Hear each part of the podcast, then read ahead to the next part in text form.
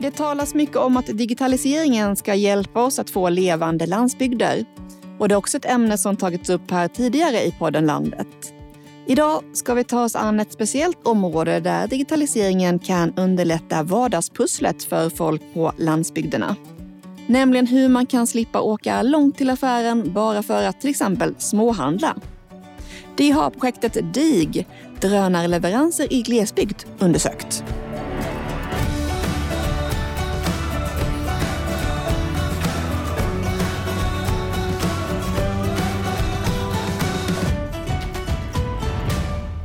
Och med mig i studion för att prata om detta har jag Cecilia Strokirk, projektledare maritima transporter och logistik från RISE. Mm. Kortfattat Cecilia, hur, hur hänger maritima transporter egentligen ihop med drönare? Det är ju så att mycket av sjöfarten bedrivs ju eh, också från land och i just det här specifika caset som vi ska prata lite mer om så har vi ju direktkopplingen med eh, båtar som ska egentligen ta sig över till fastlandet för att hämta gods och varor. Och istället då för att ta båten så tittar vi på just drönarleveranser. Mm. Vi har också med oss Ann-Margret Hammar som är regional digitaliseringskoordinator i Region Västmanland. Ann-Margret, eh, vad gör egentligen en regional digitaliseringskoordinator om du kort vill säga något om det?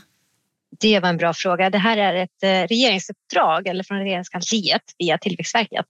Vi jobbar med att främja digitalisering inom regional utveckling och regional tillväxt.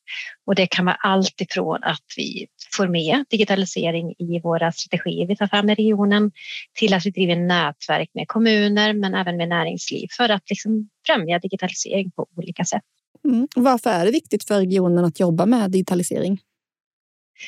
Ja, men digitalisering kommer ju, det, det finns ju här för att stanna och det är jätteviktigt att vi hänger med i hela Sverige och det är ju regional utveckling och regional tillväxt. Det handlar ju väldigt mycket om att vi ska utvecklas och digitalisering är ett viktigt medel för att utvecklas helt enkelt. Och ett projekt som får sägas är med i den här utvecklingen, det är ju DIG. Cecilia, vill du berätta mer om projektet? Ja, absolut. Eh, drönarleveranser på landsbygden eh, är DIGG och Eh, där har vi alltså jobbat med eh, i ett Vinnova-projekt ska jag säga tillsammans med olika aktörer. Arit som eh, har haft drönaren i den här piloten och sen så ICA Innovation X avdelningen där som tittar på olika möjliggörare för att utöka tjänster men också titta på miljövänliga transporter tillsammans med Norrtälje kommun som också vill titta på möjligheter för att nå ut eh, med olika typer av tjänster och miljövänliga transportlösningar helt enkelt på landsbygden och i skärgården. Mm. Kan du gå in lite mer på hur tanken är att det ska fungera? Ja, eh, framgent så kommer det bli upp till gemene aktör att driva den här typen av affärsmodell som man kan bygga vidare på. Men om jag ska berätta om själva projektet som sådant så har det varit eh, via ICA-handlaren på Gräddö som har försett öbutiken på Tjockö strax utanför eh, med olika produkter från deras butik och där Tjocköborna kan lägga sin beställning i en ICA-app som heter ICA Pronto där man väljer från ett olika produktinnehåll och sen så eh, skickas den signalen till ICA-handlarens eh, dator där han får Hej, du har fått en order från den här personen. Och sen så går han ut i butiken och plockar ihop produkterna och sen så går han ut med eh, leveransen då till drönaren som lyfter och flyger över till Tjockö för leverans, antingen vid bryggan eller om man har valt leverans på sin tomt. Och de här platserna är då säkerställda sedan tidigare så att det blir en säker leverans och den här vajern virar då ner produkterna, släpper av den på tomten och sen så kan personen som har beställt sina produkter gå ut och hämta. Och från det att man lägger en order så kan det ta 10-15 minuter och så har du produkterna hemma. Vad kan det vara? Om man typ saknar ett paket mjölk eller kan man storhandla? Eller hur, hur... Eh? Nej, storhandlingen gick inte i det här projektet. Eh, den här drönaren då, den kan ta upp till fem kilogram. Eh, men i projektet bestämdes att två kilogram skulle vara det som vi testade helt enkelt på respektive transport. Så ja, står och bakar så kanske bakpulver, det kanske är jäst eller någonting som saknas. Mm. Så den här tilläggshandlingen som man kanske gör och vill slippa ta bilen för då ja, till exempel. Mm. Kanske saknar yoghurten till frukosten. Ann-Margret, vad tänker du om det du hör Cecilia berätta om projektet Flyg? Nej, men jag tycker det är jättebra. Jag tänker att eh, ska vi ha ett levande Sverige, om du ska kunna bo vart du vill eller till och med jobba vart du vill. Idag så har vi många som har möjlighet att jobba på distans. Då är det väl jättebra om vi kan ha bra lösningar för att kunna få sina varor eh, ut där man bor och gärna på ett hållbart sätt också. Så att det är ju, jag tänker nu Västmanland där jag bor är ju ett litet län. Vi har ju inte avstånden, men jag tänker på ställen där det är skärgård eller där, där det inte finns bilväg eller kanske, nu vet inte jag hur långt en drönare kan flyga, men glesbygden uppe i Norrland eller något sånt där så kanske det är jättebra om man kan ha den här typen av transportsätt istället för lastbilar, bilar eller båtar. Så det är toppen för att vi ska kunna bo vart vi vill egentligen. Eller jobba vart vi vill. Varför är det viktigt att jobba med sådana här digitala lösningar i lands och glesbygd skulle du säga? Nej, men jag tänker utifrån eh, både ett klimatperspektiv egentligen att eh, det är avstånd eller man, det är drivmedel som kanske inte är de bästa för klimatets skull. Och en drönare går väl på el och batteri då, så på så sätt är det viktigt. Men sen tänker jag också att det är viktigt utifrån att eh, den lättare tar sig till ställen som du kanske inte tar det lika lätt eller det kanske är dåliga vägar eller inga vägar alls som du är ut till Tjockö. Så därför är det viktigt att titta på alternativa färdsätt helt enkelt. Nu, nu pratar vi om drönare som levererar för, eller liksom varor och gods. Men finns det något annat område än just liksom matvaror som man kanske kan se att man kan transportera på det här sättet? Vad ser du för möjligheter, Ann-Margret? Det finns ju möjligheter att kunna skicka till exempel hjärtstartare om det behövs. Snabbt ut till någon som fått hjärtstånd. Tillstånd. Det kan ju vara både Vi behöver inte vara landsbygd, det kan vara en liten stad också, men att det går fort att skicka ut en hjärtstartare än att eh, ambulansen är där. Så det, det finns nog många andra saker. Jag kan bara ta som ett exempel i den sameby där jag kommer ifrån uppe i Jämtland. Där använder vi ju drönare för att valla in renarna i gärdet. Det är väl i och för sig att man skickar saker, men drönare går att använda till många andra saker än att göra sånt. Men nu har vi kommit in på vad ni har fått för respons för det här äh, drönarleveranserna i ert projekt Cecilia. Det har varit väldigt positiv respons faktiskt. Eh, redan från början så var, fanns det en stor nyfikenhet. Eh, att det var spännande, det var nytt, annorlunda. Men också att eh, man ville veta hur det här skulle fungera i praktiken. Men i efterhand, under vägens gång ska jag säga, under pilotprojektet och efteråt så har ju faktiskt väldigt många Åh, när ska vi börja? Kan vi få ha det här alltid? Kan vi få utöka matkassen till lite fler produkter och så vidare. Eh, så att det har varit väldigt, väldigt positivt faktiskt. Och sen också om man tittar på lite grann det, det du pratade om tidigare. Det finns ju stora utmaningar när man bor så här beroende på väder och vind och det är inte helt lätt att förflytta sig alla gånger när det kanske är en snöstorm eh, eller att det är dåliga väderförhållanden. Eh, att behöva sätta sig i båten för att ta sig över från en ö till fastlandet för vissa vardagssysslor helt enkelt eller ett behov som uppstår. Eh, de här områdena som eh, ni talade om lite grann tidigare är ju jätteviktiga. Vi har ju redan hjärtstartare här ute som kan transporteras på ett sådant sätt ehm, och vi gör det. Och det finns ju flera eh, andra ställen i Sverige som också gör det. Så att, att kunna nå ut med viktiga och kanske livsnödvändiga produkter är ju oerhört väsentligt om man tänker på framtiden. Mm. Nu nämnde du här ute i en storm till exempel, men, men klarar en drönare av att flyga i storm? Ja, absolut. Upp till 20 meter per sekund. Okej. Okay, ja. Mm. Så men, den klarar ganska mycket. Ja, men om man ser andra baksidor, eh, skulle det vara en sådan att... Jag menar, miss, det kan inte bli så att vi missar sociala möten för att vi ja, men som vi annars hade uppstått när vi åker till affären för att hämta ett paket eller köpa någonting. Eh, kan det vara en baksida att vi blir lite mer, gör oss isolerade? Ja, alltså det är klart, det här sociala mötet som är så viktigt för oss människor eh, uppstår ju kanske inte där och då, men du har ju också möjligheten att connecta och eh, få de här produkterna som du behöver under en pandemi, under en kris eller vad det kan tänkas vara. Så att om man sammanväger dem och hittar en balans så tror jag nog att det här skulle kunna vara framtiden.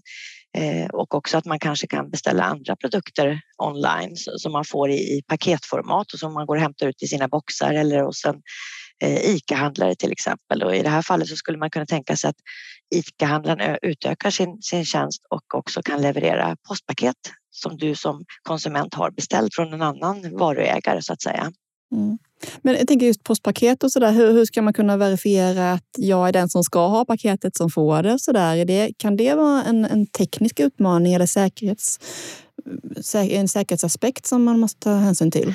Absolut, eh, helt rätt. Eh, det handlar både om eh, säkerhet för att det är rätt individ som tar emot paketet såklart och sen så också vad, vad paketet innehåller och vilka regelverk och förordningar och lagar som vi har att förhålla oss till. Så att de här bitarna måste vi få ihop också och det är ju samma sak med det här tillfälliga tillståndet som vi sökte för den här piloten det var ju, varade ju en viss tid eh, från Transportstyrelsen och eh, Luftfartsverket för att vi skulle kunna få befinna oss i luftrummet på en maxhöjd av 150 meter och en radie på 6 kilometer.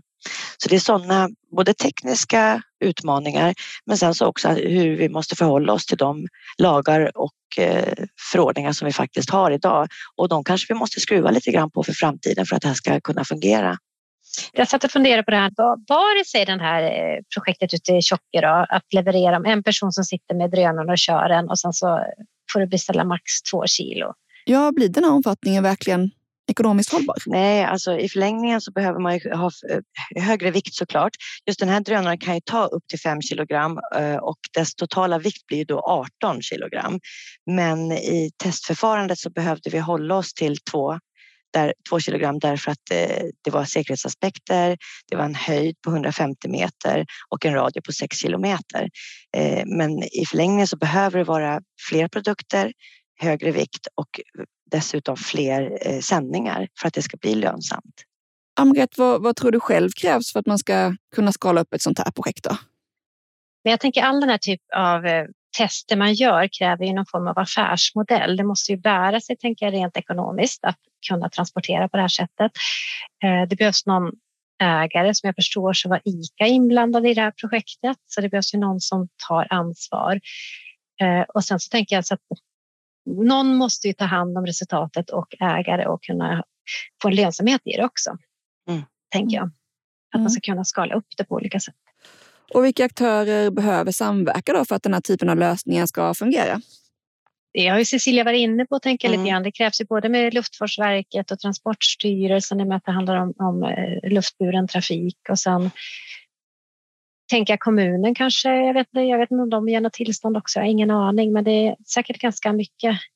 Jag tror tekniken kanske är det enkla i det här fallet. Det är oftast de här mjuka frågorna som brukar vara det som krävs lite mer utredning, tänker jag. Mm eftersom det också handlar om, om eh, säkerhet eh, och också att man tar ansvar för transporten precis som lastbilar gör och eh, alltså alla typer av fordon och transportslag helt enkelt. Så att om man ska liksom förlänga det till att man har drönarleveranser på heltid i vårt samhälle och i den infrastruktur vi har idag så, så behöver man ju bygga ut infrastrukturen till att möta upp de här frågorna och utmaningarna så att det blir eh, ett regelverk som fungerar eh, på riktigt så att säga.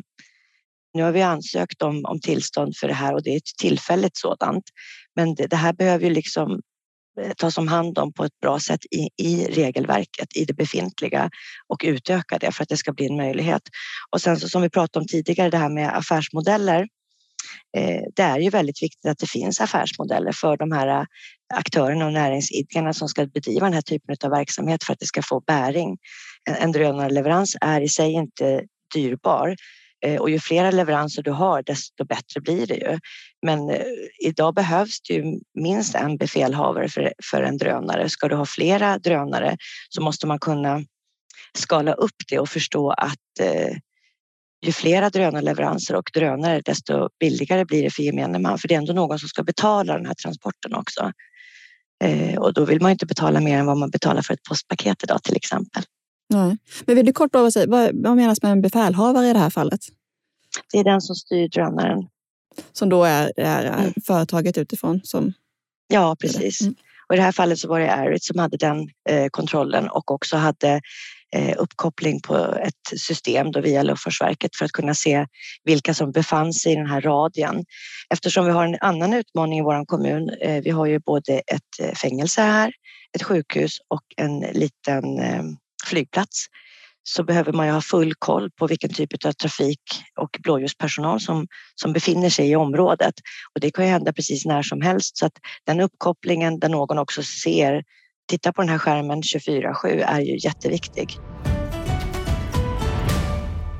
Om vi nu ska lämna utmaningarna, hur tror ni att andra verksamheter eller aktörer kan dra nytta av projektet? Ja, jag kan börja där. För jag, jag tänkte, vi var lite inne på det tidigare. Vad, vad kan man göra mer? Eh, jag vet att det pågår olika diskussioner i regionen kring de här Eh, materialförsörjningen på olika sjukhus och också på våra vårdcentraler. Och eftersom vi har en ganska utspridd kommun då med eh, både kustremsan och landsbygd och glesbygd och eh, innerstad och lite större städer och småbyar så, så behöver man ju kunna försörja vårdcentralerna och saknas det någonting istället för att beställa en, en transport på väg som kan ta flera timmar, upp till en halv dag faktiskt och du, liksom har brist så skulle den här drönarverksamheten kunna komma in på ett väldigt bra sätt. Mm. Almagat, har du något exempel du tror att eh, man kan få nytta av det här projektet i andra områden? Inte på rak arm, men jag tänker att allt sånt här föder, allt man testar och gör kan man komma på andra lösningar som. Men allt som kräver snabbare leveranser eller eh, ja, där det är små eh, förstod det rätt också. Då. Men tänk att det är väl, allt går att använda till det på olika sätt. Mm.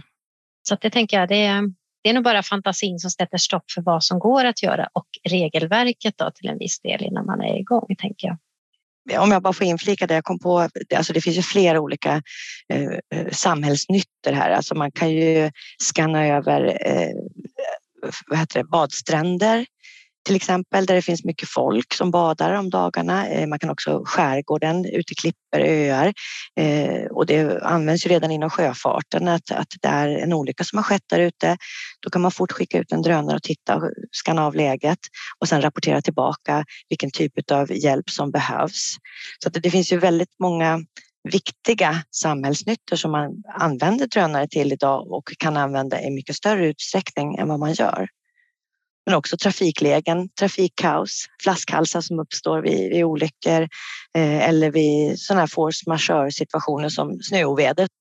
Precis, och om inte annat så kanske fler blir inspirerade av att ha lyssnat på det här programmet och fått inspiration för hur man kan använda drönarleveranser till just landsbygdsfördelar. Eh, Jag hade tänkt ställa en sista fråga om eh, era framtidsspaningar. Det känns som att ni var inne lite på det här redan nu. Men eh, hur ser ni på utvecklingen för just digital logistik i framtiden och vilka fler områden som man skulle kunna utveckla på liknande sätt?